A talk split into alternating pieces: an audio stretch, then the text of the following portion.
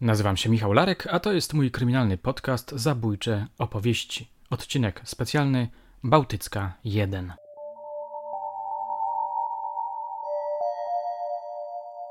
Od dawna zabieram się za opowiedzenie tej sprawy. Tyleż intrygującej, co tragicznej.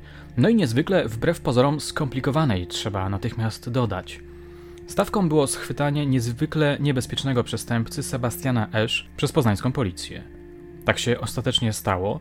Mężczyzna poszukiwany jako uczestnik zbrojnego napadu w Gaju Wielkim na samochód przewożący pieniądze do Poznania został zatrzymany, ale wcześniej doszło niestety do tragicznej pomyłki.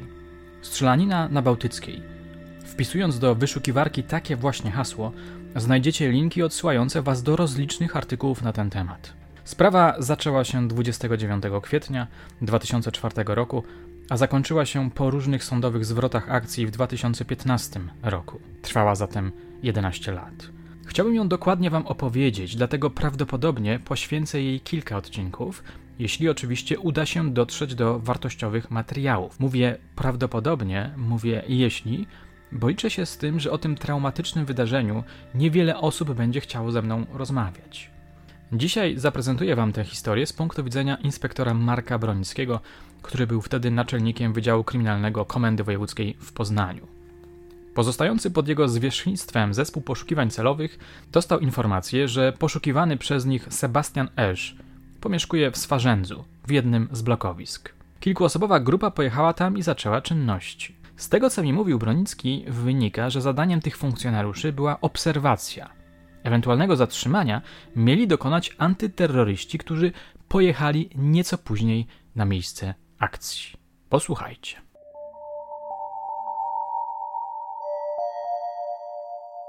Rzecz się rozgrywała w okresie, kiedy policja była zajęta bardzo wieloma innymi sprawami. Między innymi był kongres ziemi, który się odbywał, mm, czy kongres klimatyczny, już teraz nie pamiętam, ale taki ogólnoświatowy, który się odbywał w Warszawie i do zabezpieczenia tego wydarzenia ściągnięto e, z całej Polski, e, jakie tylko były możliwe siły. E, chodziło o zabezpieczenie spokojnego przebiegu tych, mm, tego wydarzenia. I od nas między innymi wysłano mm, wszystkich, ale to wszystkich z Wydziału Techniki Operacyjnej. A to jest dla nas to była podstawa do przygotowania bezpiecznej akcji zatrzymania bandyty, którego namierzyliśmy e, z dokładnością, powiedzmy sobie, no w tym momencie tam gdzieś do 500 metrów. E, I zlokalizowaliśmy go na w jednym z osiedli w. Przedtem jeszcze, zanim przystąpiliśmy do, do takiej krótkiej obserwacji, czyli takiej bezpośredniej obserwacji, zawołaliśmy, poprosiliśmy mm, z Warszawy specjalistów, przyjechali z takim specjalnym osprzętem, specjalnym samochodem, e, żeby namierzyć komórkę, jaką myśmy obserwowali w związku z poszukiwaniami tego bandyty. To był bandyta, no powiedzmy sobie, z najwyższej półki, który na sumieniu miał życie ludzkie, strzelał do policjantów, e, strzelał do e, właściciela kantoru przewodzącego pieniądze. Bandyta pierwszej wody. Człowiek, który się przed niczym nie cofnie. I jego zatrzymanie było jedną z priorytetowych spraw e, zespołu poszukiwań Mm, celowych. Nie powiem, żeby to była jakaś tam ambicjonalna sprawa, nie, była normalna, ale bardzo poważna i to jest taka priorytetowa, czyli e, realizowana w pierwszej kolejności, bo on był mm, groźny dla otoczenia.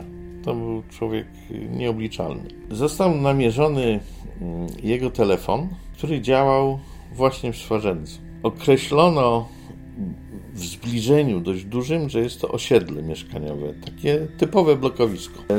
Ściągnęliśmy, jako że myśmy nie mogli namierzyć z większą dokładnością, e, w którym miejscu znajduje się telefon w momencie, kiedy dzwoni, poprosiliśmy zespół e, techniczny z Warszawy, który przyjechał i tą specjal, wykorzystując specjalną aparaturę, wskazał nam potencjalny budynek, w którym może znajdować się telefon, z którego korzysta nasz poszukiwany. Okazało się później, ale to jest właśnie wynik pierwszego splotu takich nieprzewidzianych przez nas okoliczności. Okazało się, że wskazany przez nas budynek to było miejsce, gdzie się odbijały fale, a nie skąd wychodziły fale radiowe. Ale oni y, określili, że to jest ten, a nie inny budynek, bo tam był naj, najsilniejszy sygnał zebrali. Wskazali na konkretny y, y, dom. Dom niezmiernie charakterystyczny. Dom który zbudowany był na zasadzie takiego zamkniętego U.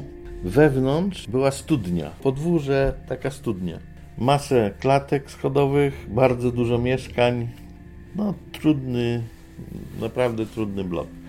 I podjęliśmy, złożyliśmy zamówienie do WTO o podjęcie obserwacji, żeby namierzyć, y, bo wiedzieliśmy, że on też opuszcza mieszkanie, żeby namierzyć go w momencie, kiedy opuści mieszkanie, żeby zaobserwować dokąd chodzi, jakie, czy to w ogóle on jest, czy nie, nie, ma żadnej pomyłki. To się tak zawsze robi. Ta obserwacja trwała. W tym dniu krytycznym z WTO już pojechali do Warszawy na, te, na tą ochronę, na to, na to działanie w zakresie tej, tej konferencji. WTO wyjechało. Nie, nie było nikogo. Została tylko jedna dziewczyna, która tam wykonywała pomocnicze prace i kierownik sekcji, którzy zostali tu na miejscu. E, I ten kierownik sekcji pojechał, zawiadamiając naszych yy, chłopaków o sytuacji, poprosił, żeby poszukiwacze również uczestniczyli w, tej obserwacji. Ta obserwacja to nie tylko mm, sama czynność obserwacyjna, to znaczy gdzieś ulokowanie się e, w e, zakamuflowanym miejscu i patrzenie na, na dany obiekt, ale przedtem jeszcze e, chłopacy bardzo szeroko przeprowadzili obserwacje, rozpoznanie tak, takie posesyjne, takie typowo działanie operacyjne porozmawiali z odpowiednimi ludźmi. Nie chcę tutaj e, ujawniać z kim, jak to się robi, ale ludzie, którzy wiedzą, co się dzieje na osiedlu, wskazali nam takie jedno z mieszkań, e, do którego chodziła czy zjawiała się Ukrainka. Jego partnerką życiową tego naszego pkiwanego była właśnie mm, dziewczyna o korzeniach takich tam wschodnich. No i to był już taki taka lampka, że a nóż to może być właśnie ona. Nie mieliśmy pewności, ale, ale przypuszczenia. I to mieszkanie, y, mieszkanie w ogóle tak y, po rozmowach, że jak mieszkają normalne takie rodziny osiadłe, które normalny tryb życia, taki szary, przeciętny prowadzą, to, to są takie rodziny do eliminacji, że no ci nie, no bo no, nie, nie pasuje. Natomiast pozostają jakieś y, takie nie, niepewne mieszkanie, niepewne punkty, w którym ktoś coś może tam mieszkać. Co prawda, myśmy się tam nie natknęli mm, bezpośrednio na jego na przykład na opis y, sylwetki, no, na tym polega policyjna praca, żeby, żeby mm, składać sobie takie elementy malutkie, analizować to i, i wtedy y, jakieś hipotezy y, wyprowadzać. No i tu była właśnie jedno z mieszkań, było takie takim mieszkaniem newralgicznym, że tu może się coś dziać. Nie musi, ale może. I ono, tak powiem, obserwacja skoncentrowała się na tym mieszkaniu. Pech chciał, że wejście do klatki schodowej było właśnie od strony tego podwórza, od, od, od wewnątrz, nie od zewnątrz. I teraz wejście obserwatorów na, na to podwórze no, powoduje, że albo się wchodzi pod jakąś legendą, prace budowlane, coś malarskie, nie wiem, no, założenie trawnika, na, na, naprawa y, huśtawki, cokolwiek. Jest to wtedy obcy człowiek na tym terenie staje się tym naturalnym elementem. W krótkim czasie jest to trudno zorganizować taką legendę, żeby, żeby wejść w sposób, no, w cudzysłowie, naturalny na, na ten teren. A mm, że to jest zamknięta studnia, to, no, to się znają wszyscy ludzie i obcy natychmiast zostaje wychwycony tam. Ktoś już mieszka, to się pokazuje raz, drugi, trzeci, tu już jest swój, już jest wszystko ok. No i nie mogliśmy tej obserwacji prowadzić od strony podwórza, czyli z zewnątrz mm, trzeba było prowadzić. No i taką zaobserwowali sytuację, że podjeżdża samochód, w którym siedzą trzy osoby i samochód mimo zakazu wjazdu wjeżdża do tej studni. Możliwość wjazdu jest, bo musisz zabezpieczyć dla pogotowia, dla straży pożarnej, dla służb administracyjnych, tak, tak że wjechać można ale dla normalnych ludzi, nawet dla mieszkańców, jest zakaz i nie wolno tam wjeżdżać. Mimo tego ten samochód osobowy wjechał na, na, na ten teren. I to zaalarmowało, bo to nie, nietypowa sytuacja. W środku trzech ludzi w tym samochodzie.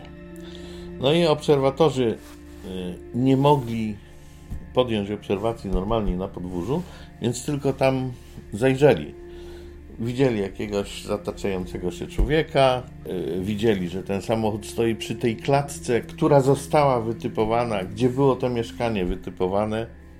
No, duży zbieg okoliczności. W samochodzie były trzy osoby widoczne. Po czym po pewnym czasie samochód wyjeżdża z tego podwórza i siedzi tylko kierowca, nikogo więcej.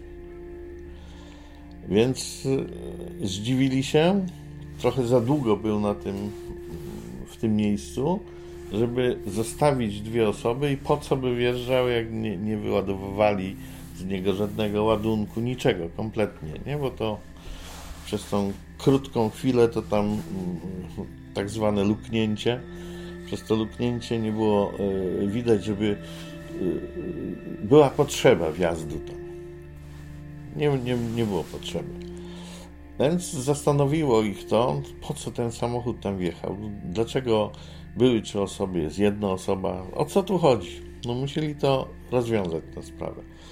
I teraz mm, topografia tego miejsca w dni, w obecnie wygląda nieco inaczej niż to wyglądało za tamtych czasów. W tej chwili, wyjeżdżając z tego osiedla w kierunku Poznania, przejeżdża się e, pod wiaduktem kolejowym, jest, e, jest podziemny przejazd pod torami kolejowymi, dalej jest skrzyżowanie i wyjazd na Poznań. A w tym czasie nie było jeszcze żadnego podkopu. Jechało się górą przez przejazd kolejowy, który miał rogatki. To był przejazd kolejowy z rogatkami jak ten samochód ruszył i pojechał w kierunku tego przejazdu kolejowego, no to nasz e, radiowóz, prywatny zresztą samochód, wtedy jeszcze w tym, w tym momencie prywatny samochód e, jednego z tych naszych e, chłopaków, pojechał za tym oddalającym się pojazdem, samochodem i akurat bardzo często to było ta, tam naprawdę tam był ruch niesamowity pociągów. Teraz tyle nie jeździ, ale kiedyś jeździło bardzo dużo pociągów, bo to jest trasa na Warszawę, w związku z czym ruch jest niesamowity przez Swarzędz. Tam. Były opuszczone rogatki i dość długi sznur samochodów. A więc oni spokojnie podjechali. Jeden z policjantów wysiadł i przeszedł się wzdłuż samochodów, patrząc do samochodów y, do tego naszego obserwowanego samochodu. Co zauważyli? Kierowca siedzi, a obok pasażer ma rozłożone siedzenie i leży na tym siedzeniu. Nie można, nie było warunków, żeby się przyjrzeć, kto to jest, jak, co to jest za sytuacja. Tylko ten nasz obserwujący stwierdził, że jest w samochodzie jednak są dwie osoby, nie jedna. I jedna osoba leży prawdopodobnie się ukrywa. No i to od razu się włączyło, włączył się alarm, powiadomili się wzajemnie. wszyscy, którzy tam brali udział w, tych, w tej obserwacji. Był tam jeden, który niedaleko mieszkał. Poprosił sąsiada, żeby swoim samochodem go dowiózł do miejsca, y, gdzie y, do tego przejazdu kolejowego. No i ten znajomy, akurat był samochód chyba Alfa Romeo, dobry samochód, y, zgodził się i go przywiózł. I w tym momencie, kiedy tam dojeżdżali, podniosły się rogatki i cała kawalkada tych samochodów ruszyła.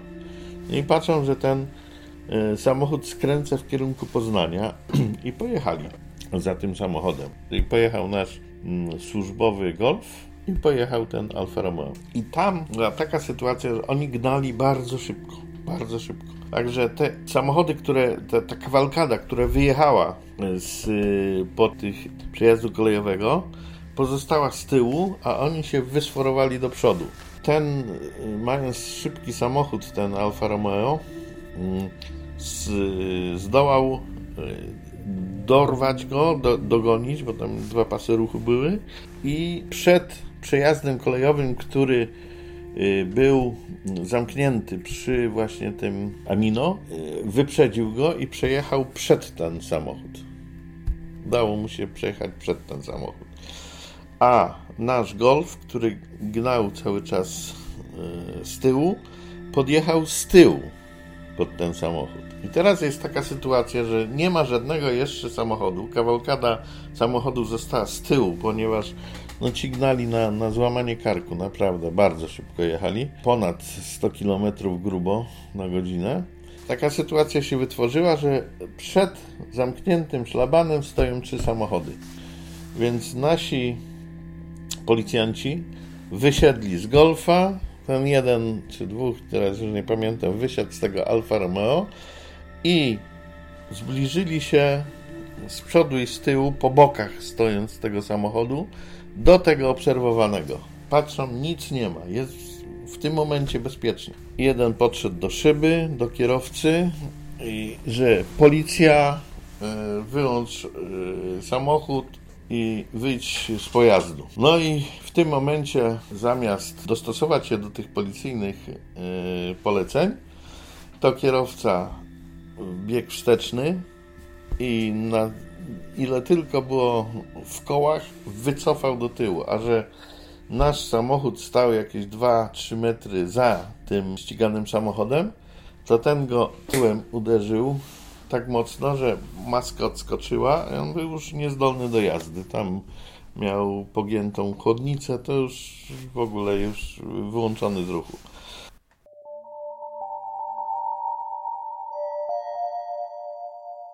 I w tym momencie dochodzi do tragedii. Fatalny zbieg okoliczności kończy się strzelaniną. Według inspektora wyglądało to tak. Podejrzany samochód gwałtownie wycofuje, uderzając w policyjne auto, któremu otwiera się klapa od maski. Potem uciekinierzy próbują wyminąć Alfa Romeo. Policjanci odskakują i jednocześnie oddają strzały. Celują w chłodnicę, żeby unieruchomić pojazd. W tych okolicznościach, podkreśla inspektor, kule musiały pójść nieco wyżej. Później okaże się, że oddano mniej więcej 30 strzałów. Zapewne w tym momencie policjanci nabierają pewności, że mają do czynienia z przestępcą. Samochód wjeżdża na podwórze i zatrzymuje się. No i okazało się, że ten, który leżał na tym siedzeniu, no to był ducha winny, tak jak ten kierowca, człowiek niezwiązany z tą sprawą, ale tego nie można było sprawdzić. Nie? Kierowca został zestrzelony, znaczy niestety zmarł w szpitalu podczas operacji, a mm, ten pasażer, który leżał, do, obydwaj ry, rykoszetem dostali, no dostali czystą kulą, nie? No, nikt nie strzelał bezpośrednio, tylko zrykoszetowały te mm, y, pociski. Też y, nie wiedzą od których rykoszetów, który y, y był ranny i ten z kolei został postrzelony w kręgosłup i pozostał inwalidą. I to, to był taki splot okoliczności, bo gdyby się poddali spokojnej kontroli. Nie byłoby nic, żadnego użycia broni, niczego. Skoro byli niewinni, to po co uciekali? Nie? Gdyby nie podjechali do, w taki sposób, w takich okolicznościach, do tej klatki schodowej, która była tą klatką, no powiedzmy, krytyczną, to by też na nikt, nikt, nikt na nich nie zwrócił uwagi. No, kompletnie. No. Ale e, no, taki, taki splot okoliczności. No, a zachowanie kierowcy było irracjonalne, nie było, mm, nie było e, normalne. Tak, tak normalny człowiek się nie, nie zachowuje. Biorący udział tych czterech chłopaków zostali yy, yy, zawieszeni w czynnościach do czasu wyjaśnienia sprawy, ale oni przeżyli, no ja ich widziałem, oni no, byli w rozsypce totalnej, psychicznej. Załatwiłem im psychologa, zostali umieszczeni na oddziale szpitalu. Oni byli nie do rozmowy, nie do życia. Na miejscu jeszcze tam, jak dotarłem, ja dotarłem stosunkowo wcześnie jeszcze, nie było jakichś tam wielkich służb, chyba jeden radiowóz tylko był to odebrałem im broń. To była pierwsza czynność, jaką, jaką zrobiłem, no i ta broń później poszła do badań. E, I ustalano, kto ile strzałów, e, w które miejsce z danej broni tam padły strzały, to wszystko było ustalane. Pozostała część tych poszukiwaczy, e, no już niedobitki tam zostały, bo to był mały zespół. Oczywiście nadal były prowadzone czynności na miejscu. Zdążyło WTO wrócić. Sprawa była głośna tej strzelaniny e, i się baliśmy, że jeśli ten sprawca mieszka tam, a tutaj nie był związany z tym wydarzeniem, ale mógł wyczytać gdzieś w prasie, w radiu, w telewizji, wysłuchać, zobaczyć. Było głośno. To ta obserwacja była nadal tam prowadzona na tym osiedlu. No bo to było dla nas jedyne y, niemalże w 100% pewne miejsce, że on tam jest, ponieważ y, to wychodziło z techniki. No i faktycznie po kilku dniach jeden z naszych poszukiwaczy, notabene teraz jest szefem wydziału, bo teraz już jest cały wydział, już nie jest zespół, zauważył go, kiedy wyszedł z bloku, ale nie tego, tylko tego, z innego bloku, zauważył go, że idzie do siłowni. Siłownia albo to był zakład fryzjerski, już teraz nie pamiętam, kosmetyczne, już nie pamiętam, czy to siłownia, ale coś, coś tego typu. To się też na tym osiedlu tam mieścił mieściło. No i on był akurat w towarzystwie takiego e, funkcjonariusza z WTO i postanowili go zatrzymać, bo skoro idzie do fryzjera czy tam na, na, na siłownię, to nie ma broni. Tak założyli. I zaskoczyli go mm, w ten sposób, że otworzyli drzwi, wpadli i od razu e, go zatrzymali. Walka była niesamowita. On nimi rzucał po ścianach zniszczył tam sprzęt. Tam była makabra tam w tym. No trzeba tego, który zatrzymywał, spytać jak to było, ale w końcu go obezwładnili, skuli został zatrzymany.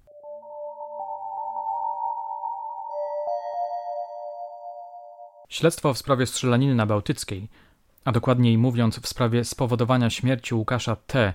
i ciężkich obrażeń ciała Dawida L zostało przydzielone Wydziałowi Szóstemu do spraw przestępczości zorganizowanej Prokuratury Okręgowej w Zielonej Górze. Ruszyło 30 kwietnia 2004 roku. Tutaj urywam opowieść. Czas pokaże, czy będę ją kontynuował. Gdy o niej myślę, czuję, że coś mnie ściska w gardle. Tutaj każda ze stron ucierpiała. Na różne sposoby oczywiście, ale jednak bardzo mocno ucierpiała. Ale chodzi mi też tutaj o przypadek. Przypadek, który jest bardzo kapryśnym bóstwem. Raz sprzyja policjantom, raz obraca się przeciwko nim. Tak jak było w tej sprawie właśnie. Na dzisiaj to wszystko. Dziękuję Wam za serdeczną uwagę. Do usłyszenia już niebawem.